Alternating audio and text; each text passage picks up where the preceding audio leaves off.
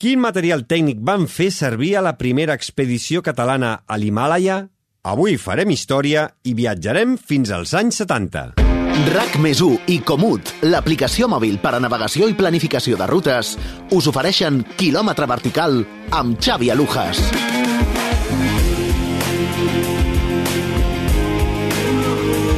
Benvinguts al setè capítol de Quilòmetre Vertical. Avui no només viatjarem fins als anys 70, sinó que també sortirem de l'estudi. I serà per tenir una conversa molt tranquil·la, molt de l'estil de l'Albert Tom.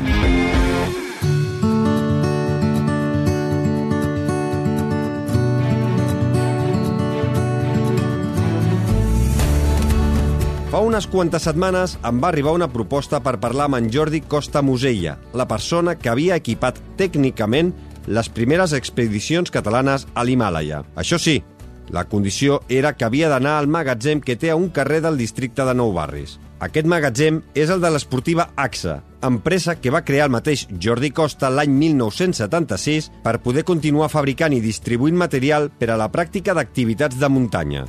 Una part d'aquest magatzem és un santuari, una mena de museu on vaig poder trobar material d'alpinisme dels anys 60, 70, 80, 90 i també alguna peça molt més actual. Algunes d'aquestes peces són bombones d'oxigen, walkie-talkies, esquís de fusta, botes, motxilles i, sobretot, moltes fotografies de les expedicions. Pura història de l'alpinisme català.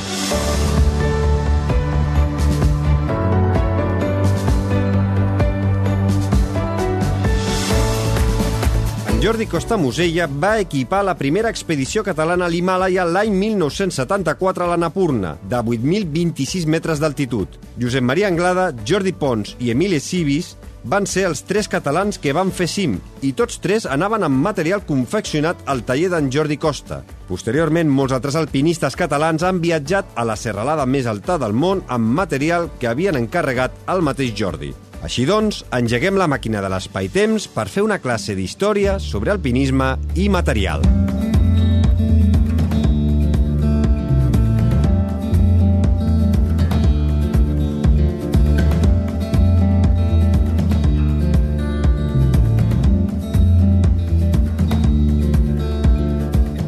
Jordi Costa, benvingut a Quilòmetre Vertical. Moltes gràcies. Ben, eh... Benvingut tu. Mm, sí, perquè avui hem sortit de, de l'estudi, hem vingut a, al seu taller. Més que el seu antic taller, la seva botiga, eh, és un museu. Potser sí. Som, som col·leccionistes. Ens sap greu llançar les coses i les anem guardant. Comencem molt enrere, eh, a les primeres expedicions eh, catalanes a l'Himàlaia. Com va començar vostè a confeccionar el primer material tècnic? El primer material tècnic. Vam començar, devia ser l'any 53 o 54, jo era sastre, els meus dos amics meus em van venir a buscar per fer una societat i vam fer una societat. Eh, jo era el que representava que hi en tenia i fèiem anoraks amb cotó, fèiem canguros amb cotó. Vam començar fent canguros amb cotó. I després doncs, vam passar els impermeables, el, el nilon, o, o sigui, la poliamida. Això va començar al 53, expedicions encara molt poques, i de mica en mica va començar gent que va anar als Andes o al Mont Blanc, no s'atrevien gaire a anar, a anar a l'Himalaya fins més endavant. No sé quin any hi ha la primera foto d'una expedició. Llavors, tots els que fèiem coses d'aquestes ens demanaven més material, més característiques especials i jo els hi anava fent a través de la botiga. Després ens vam separar i vam tenir una altra marca comercial ja meva, vaig estar 12 anys sol. També ja, ja va començar les expedicions i diria que el fort va començar sobre l'any 74 o 75, devia començar ja i llavors venien expedicions que no estaven subvencionades i començava perquè els expedicionaris necessitaven material i tenien pocs recursos econòmics, i llavors et demanaven material, tenies que fer una tria a qui els hi deixaves o qui els hi donaves i a qui no, perquè si no... Va arribar un moment que cada, cada vegada més sovint et trucaven a la porta per, per qualsevol cosa, no? I tenies que triar. Després ja van venir les expedicions més serioses, el, a partir de l'Anna Purna, el primer 8.000 català, la cosa ja es va anar, es va anar consolidant. Llavors ja tothom venia a demanar coses, però ja amb un projecte. Vam treballar molt bé la pluma, el dubet, fèiem sacs de dormir, fèiem plomons, vam començar amb això, i demanaven característiques especials, de mides, per exemple, i sempre dèiem que sí i els hi fèiem. Jo em vaig posar a estudiar patronatge industrial, que és tot treballes amb roba però és una altra cosa. A partir d'aquí la gent m'anava demanant anoracs, anoracs amb boata perquè privava del fred, els primers anoracs fèiem una capa de nilon per fora i llana per dintre. Però, esclar, això es mullava. Tots vam anar evolucionant, no? Exactament, no sé eh, amb, amb quin punt en vam, en vam aprendre, però n'apreníem tots alhora. Els expedicionaris anaven tenint necessitats i nosaltres, o en el meu cas jo, doncs, feia tot el que sabia per, per, per atendre aquestes necessitats d'ells. Què li va ajudar en tot el procés de l'escultisme a, eh, a l'hora de poder dissenyar tota la roba i quines necessitats tenia per eh, investigar i poder crear noves peces de, de roba? Ens vam posar primer de tot a fer pantalons de vellut curts i camises pels escoltes, però en aquella època estava totalment prohibit. Hi havia un personatge molt important que es deia Antoni Batlle, que era capellà, mossèn Antoni Batlle, que era l'impulsor de l'escoltisme catòlic.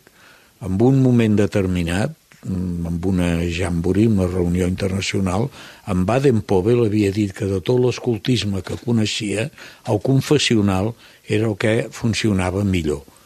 Ell va deixar anar això nosaltres pertanyéssim a l'escoltisme confessional.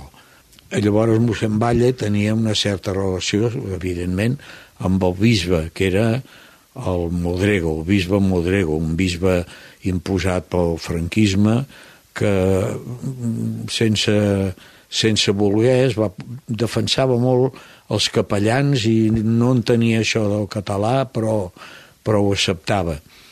I llavors l'Església va fer un pas mm, per acoplar tots els moviments, per protegir tot, tot el moviment escolta, i llavors l'Església va donar la cara. A partir d'aquest moment, com que el franquisme era, es deia catòlic i tots els bisbes d'Espanya o la majoria van anar a favor d'ell, eh, la qüestió és que es va crear la delegació diocesana d'escoltisme i llavors tots els agrupaments que estaven en parròquies eh, quedaven automàticament protegits. Però l'uniforme no es podia portar. Ens el posàvem al camp. Però quan tornàvem i agafàvem el tren, eh, normalment ens camuflàvem i ens traiem les ensenyes i els distintius. Però el pantaló curt i la camisa més o menys verdosa eh, això sí que es feia. I les noies anaven també amb una faldilla de vellut, una faldilla molt fàcil de fer, que jo les feia a mida, eh, i vam començar així. Tot era cotó, vellut i, i la camisa. Llavors, a partir d'aquí, vam començar a fer l'anorac canguro per, per, per protegir-te, per tapar-te, que tu podies portar un canguro de qualsevol color, però havia de ser de cotó i a partir d'aquí eh, se'ns va acudir que aquests canguros els podien vendre i els vam vendre en una botiga que es deia Puig, que era parenta de, del fabricant d'esquís Pull Puig, que era l'únic fabricant d'esquí eh, que hi havia aquí català. Bueno, I aquest va ser el primer client, en Puig. I llavors vam veure que això podia anar bé i vam començar a ensenyar-los a d'altres botigues, als cibeques, a una altra botiga i vam començar així fent coses. I això el va ajudar a veure les necessitats que després es podien necessitar a, a la muntanya i a partir de tenir aquesta experiència la va poder aplicar en el futur. Exacte, sí, sí. és així. Però primer vam posar una, una botigueta al carrer del Pi, que jo em cuidava de fer aquesta confecció, després, perquè va convenir, ens vam separar, jo vaig continuar la confecció sol, vaig anar continuant i finalment vam crear Esportivax l'any 76 i sempre amb aquesta línia eh, evolutiva. I per acabar el tema de l'escultisme, vostè té una creu de Sant Jordi a l'any 1997? Sí, en un moment determinat em, em proposen formar part del patronat de, de la Pere Terrés, aportant la meva, la meva experiència, diguéssim, i llavors a partir de la Pere Terrés, la Creu de Sant Jordi, no la donen, s'ha de demanar, llavors el Pere Terrés me la va demanar, i amb el meu currículum tinc la creu per, eh, per haver fomentat o haver treballat en l'associacionisme juvenil català. I en Pons i l'Anglada el tenen pel seu mèrit muntanyenc. Ben merescut. Ben molt merescut, el d'ells. I el seu també. Gràcies.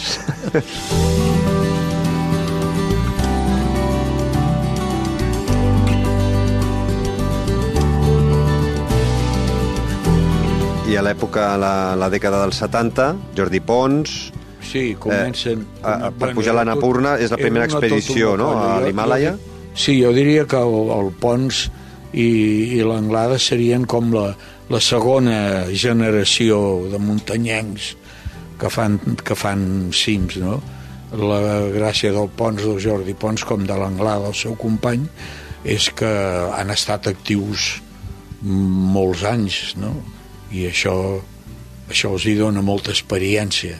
Bueno, i més a més que han estat caps d'expedició, són de la meva edat, exacta, vol dir que Jordi Pons n'acaba de fer 90, i vol dir que hem anat creixent eh, tots alhora, no? uns aprenent a fer material i els altres eh, per cobrir les seves necessitats espavilant-se. Vostè tenia experiència en alta muntanya per saber quines eren les seves necessitats? No, no, no. no jo provinc de l'aire lliure, de l'excursionisme, i de l'excursionisme, doncs, una mica potser una mica selecta, però purament excursionisme. Eh? L'alta muntanya és tot una altra cosa. Potser eh, el que em va ajudar a, atendre'ls amb ells era la meva admiració pels muntanyencs, que per mi és un altre esglaó de l'excursionisme. Així que escoltar-los a ells, les seves demandes, va fer que vostè eh, millorés les tècniques Exacte. de confecció de material tècnic. Exacte. T'esperonava eh, anar rumiant coses per fer Avui en dia, si jo vaig a una botiga perquè vull fer una expedició a l'alta muntanya, vaig, em trobo el que hi ha, el material que hi ha, les jaquetes que hi ha, els pantalons que hi ha, tot el material que hi ha. En aquella època, als anys 70, 80, si algun expedicionari català venia a la seva botiga i demanava material, vostè els hi confeccionava a mida tot el que necessitaven? A mida, pròpiament a mida, com podria ser eh, fer un americà un sastre, no, però els seus, diríem, els seus capricis sí que, que, que els entenia i els hi fèiem. Normalment eh, nosaltres érem fabricants i majoristes. Normalment les expedicions no anaven a les botigues de venda al detall, anaven directament al, al fabricant, al majorista o a l'importador, en aquest cas en aquest cas nosaltres.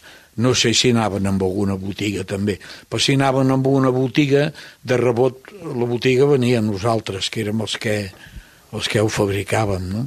El, aquests anys 70-80, quin era el material que més eh, utilitzava vostè a l'hora de confeccionar aquest material eh, tècnic per a aquestes expedicions catalanes bueno, a l'Himalaya?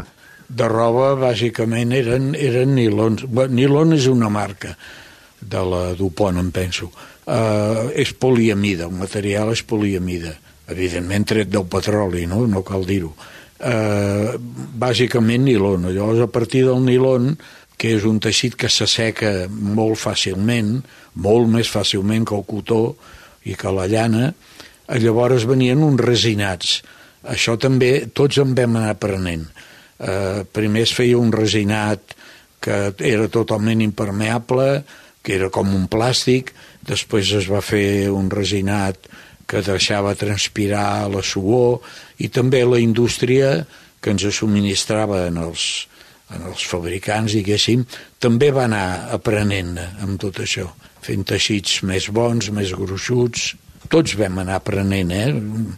Això és important, no hi va haver ningú que, que s'inventés coses i tot sortia de la necessitat del muntanyenc que primer va anar al Mont Blanc, després va anar als Andes, que ja són 1.500 metres més, i després va anar a l'Himalaya. Les necessitats anaven pujant, el seu coneixement anava pujant, mm. o sigui, la primera expedició catalana d'un 8.000 va ser l'Anapurna.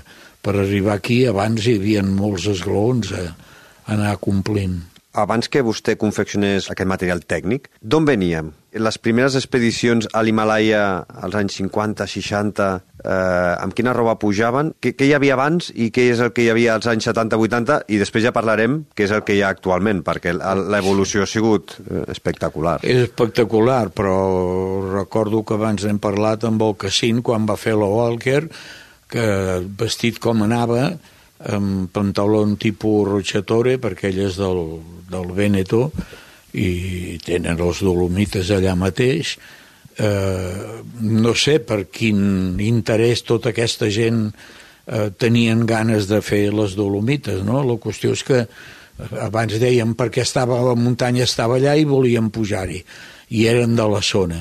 Eh, cotó, bàsicament cotó, llana pels mitjons, alguna jaqueta de llana, espardenyes, eh, cordes de cànem, això el primer, lo, jo recordo la primera corda de nilon que vaig veure de 8 mil·límetres i de 12, em penso que feien, la 8 pels ràpels, eren de nilon, allò havia canviat perquè amb l'aigua, quan la corda de cànem quedava mullada i anaves pujant o la temperatura baixava, allò quedava rígid que no sé com escalaven.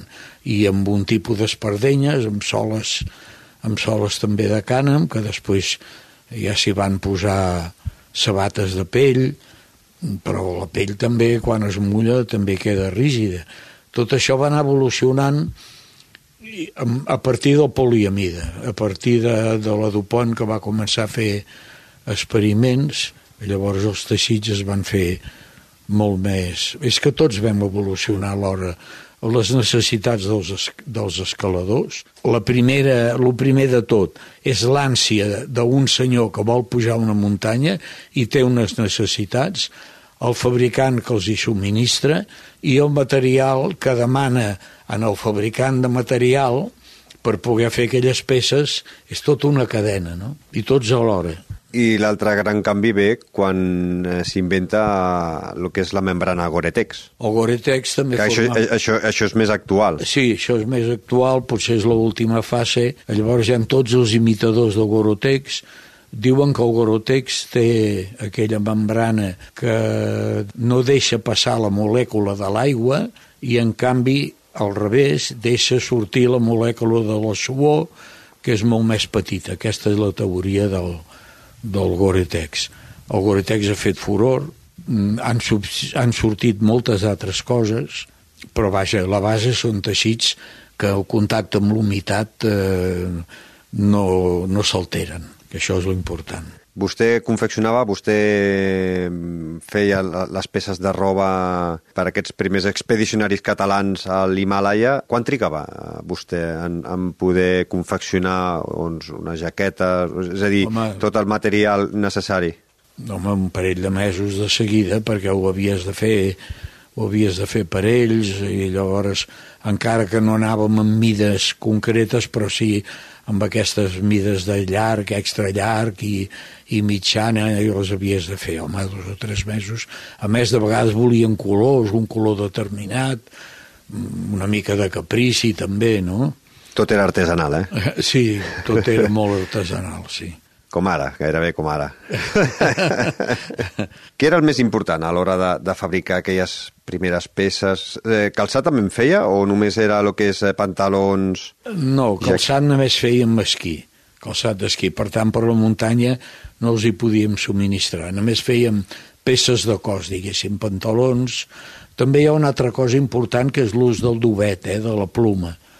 El, el, en diem dubet a la pluma del coll dels ànecs, que és la plometa més fina de totes, llavors el dubet té una gran capacitat eh, tèrmica perquè es bufa, s'eixampla i, i, eh, i no deixa traspassar el fred de fora. En canvi, es va posant, dona, no, no és que dongui escalfós, que és un aïllant, i llavors la calor que produeix el cos es queda a dintre. No parlem de suor, parlem de la calor que produeix el cos. I el dubet fa d'aïllant. Com que s'infla és una capa molt ampla d'aïllant.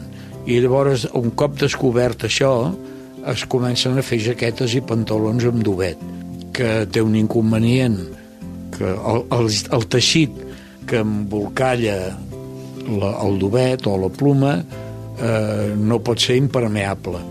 I aquí hi ha una mica de problema que llavors has de fer uns pantalons o unes jaquetes per sobre del dubet perquè al no ser impermeable precisament el dubet absor pot absorbir la humitat i pot fer el mateix efecte que el cotó. Vull dir, és un, és un cercle que, que l'has d'anar que l'hem anat experimentant de mica en mica. El dubet és un gran aïllant de, del fred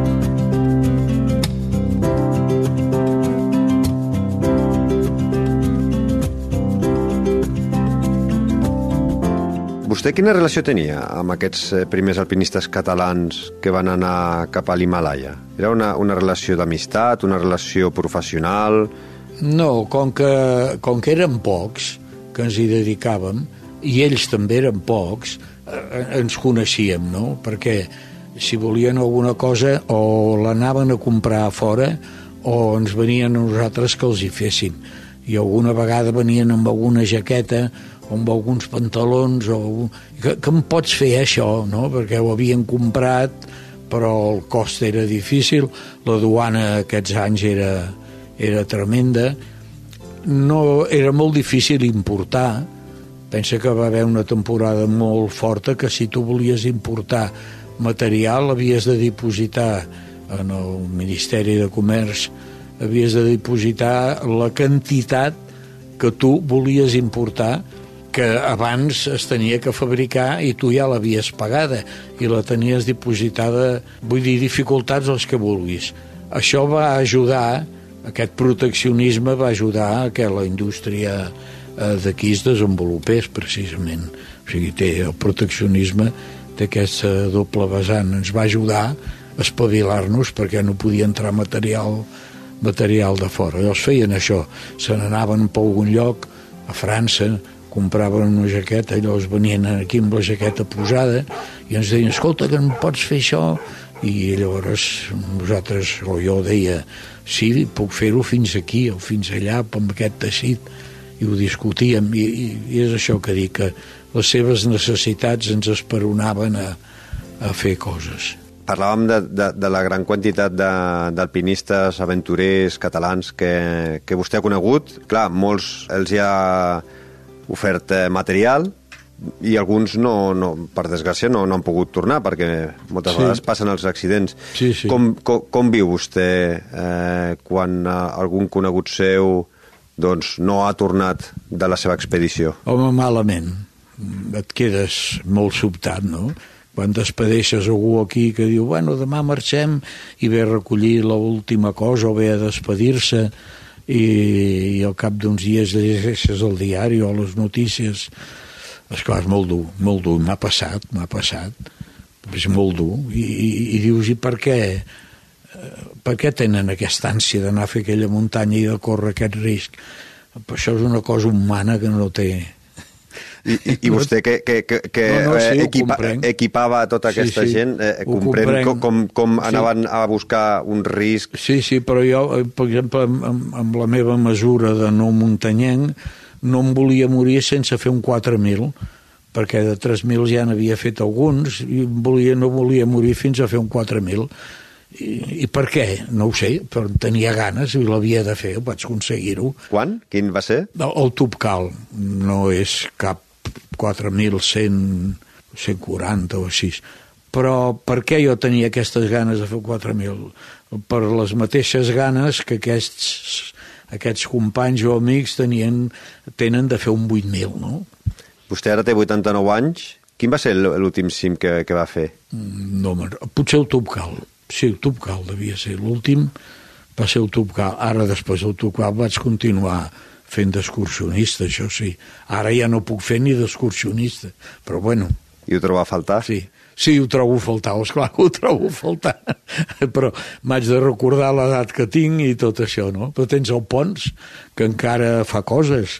Deu fer tres anys o sis, encara va fer la Walker, compte.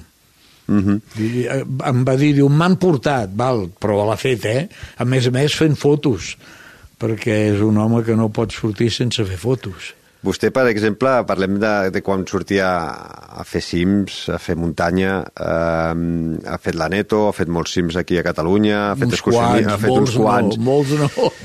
Eh, com, com veu aquesta evolució de la, de la muntanya quan sortia vostè que, que era jove fi, i, i ho veu actualment? És a dir, els valors de la muntanya s'han pervertit, han canviat molt. Eh, abans vostè anava a la muntanya, hi havia uns valors de respecte per la natura, eh, companyerisme, i ara potser eh, va a la muntanya i s'ha perdut, o com a mínim jo tinc aquesta sensació, eh, sí, no hi ha tant respecte però, per la veure, natura de vegades. Si agafem la part bona, el que hem disfrutat anant per l'aire lliure, per la muntanya, que érem uns quants, i avui en dia són molts, Llavors aquest, aquest gaudir de la naturalesa, ja per generalitzar, és bo que s'hagi escampat i que hi hagi més gent que ho disfruti. Això seria la part positiva. Però vostè que ve dels centres excursionistes, i abans tothom, o gairebé tothom, que anava a la muntanya a fer cims, al Pirineu o als Alps, tothom passava per un, un, un centre excursionista a fer una mínima formació no, o sortir ara, amb... ara I, no. I ara això s'ha perdut. Sí, a, a, perdut. Aquesta formació d'entendre la muntanya i, i tenir aquest respecte per la muntanya, això s'ha perdut. No sé si el respecte per la muntanya s'ha perdut, però que hi va molta més gent. Jo, jo, jo insisteixo en aquest avantatge de que hi va molta més gent i gaudeix de la muntanya i bueno, que s'ha d'anar educant també. I jo crec que s'educa que hi ha un treball un treball d'educació. L'altra cosa és la comercialització com, com m'han explicat de la Neto no? que es veu que hi ha cua a l'últim tram que és un tram el pas de Mahoma. no, la, amb, sí hi ha cua, al pas de Mahoma hi ha cua s'han d'esperar perquè han de passar d'un en un, hi ha cua, no? Bueno, o, o, o a l'Everest, oh, a l'Everest. Al, al grau de Mallory. Tu el que t'expliquen d'aquest últim tram eh, és tremendo. La, la, fer cua a l'Everest ja, ja no m'ho imagino, no? Però de tant en tant ja com l'any 96 que hi va haver una, una escalivada tremenda bueno, i ara encara això encara hi ha el perill de que, de que hi sigui més. A més a més es cobren quantitats importants eh, per pujar la neto no? suposo que cobren un tant però que no té res a veure amb el que cobren en una expedició a l'Himalaya això, és, això no és bonic. No és bonic. La massificació no és bonica però que hi hagi més gent que va a la muntanya és molt bo Vostè quina part de culpa creu que té l'efecte Kilian Jornet? Bueno, és la divulgació de la muntanya, sí. El Kilian Jornet, sí, ha tingut un... Però s'ha de, s'ha de vendre, s'ha de fer entendre que és un home excepcional. Uh mhm. -huh. I això s'ha de fer entendre, que, que no hi ha ningú com el Kilian Jornet. Bueno, almenys no ha sortit dedicant-se a la muntanya, potser per fer d'altres coses, nedadors, que passen al canal de la Mànega nedant, no? També serien... Tothom diu, ui, fulano ha passat al canal de anem a nedar, no? Home, no, compte que és un home excepcional, això ho hem de tenir molt en compte. I tota aquesta gent que fa 8.000 o que ha fet 8.000, el Kilian Jornet ha pogut arribar a fer l'Avarès com l'ha fet, perquè molt abans hi ha hagut gent que han anat experimentant i posant cordes i, i entrenant els xerpes i els xerpes han millorat, ha estat tot un procés i ha arribat un senyor que ha pogut fer això. Però això s'ha de, de vendre bé, de que no, no s'improvisa això. Eh? Vaig acabant, Jordi. Vostè ha vist el, la, la muntanya, l'alpinisme, eh, des de que s'anava amb Kuto, mm. i ara veu aquí a, a, a, al seu magatzem doncs, roba tècnica actual. Sí. Creu que en els propers 10-15 anys pot evolucionar molt més, Sí, que tot estic- això quedarà obsolet Sí, perquè això no es pot parar, no crec que es pari, aquesta evolució no crec que es pari. Pot ser més lenta per una crisi com la que passa a Europa o tot el món ara en aquest moment, o la crisi de la, de la guerra del 40 o 45, eh, pot ser que això freni, però això és imparable. En els laboratoris es continua experimentant, Sí, segur que això d'aquí 10 anys serà obsolet. Que hi haurà, no ho sé. Això ja és de profecia. Però que això canviarà si això, això no es para. I, i però és que això ha fet possible eh, quan, quan torno a parlar del casino, perquè m'ho va explicar ell, no? que es planta davant de la Walker, s'ho mira i diu, val, això és possible. Avui en dia és possible moltes més coses gràcies a l'evolució del material.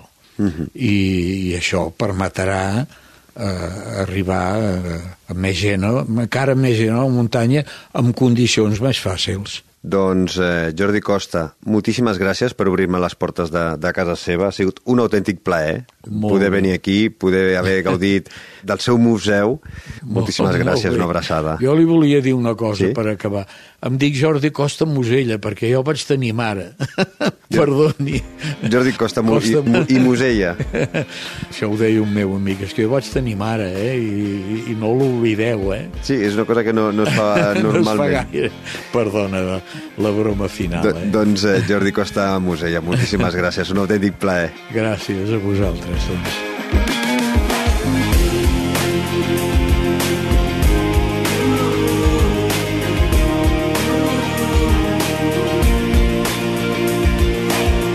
Després d'aquesta classe magistral d'història carregada d'humanitat i anècdotes, ja podem reflexionar sobre el material que tenim avui en dia. Si ara en tenim de millor i podem fer les coses més ràpid i segures és perquè anteriorment altres persones han anat experimentant, equipant-se o entrenant-se. Si teniu ganes de més muntanya, recordeu que podeu escoltar la resta de capítols de Kilòmetre Vertical o el podcast del Fem Muntanya a qualsevol plataforma o també al web femmuntanya.cat. Kilòmetre Vertical tornarà ben aviat amb més històries relacionades amb la muntanya. Fins llavors, gaudiu i sigueu feliços, amb salut seny i, sobretot, molta muntanya. RAC més i Comut, l'aplicació mòbil per a navegació i planificació de rutes, us han ofert quilòmetre vertical amb Xavi Alujas.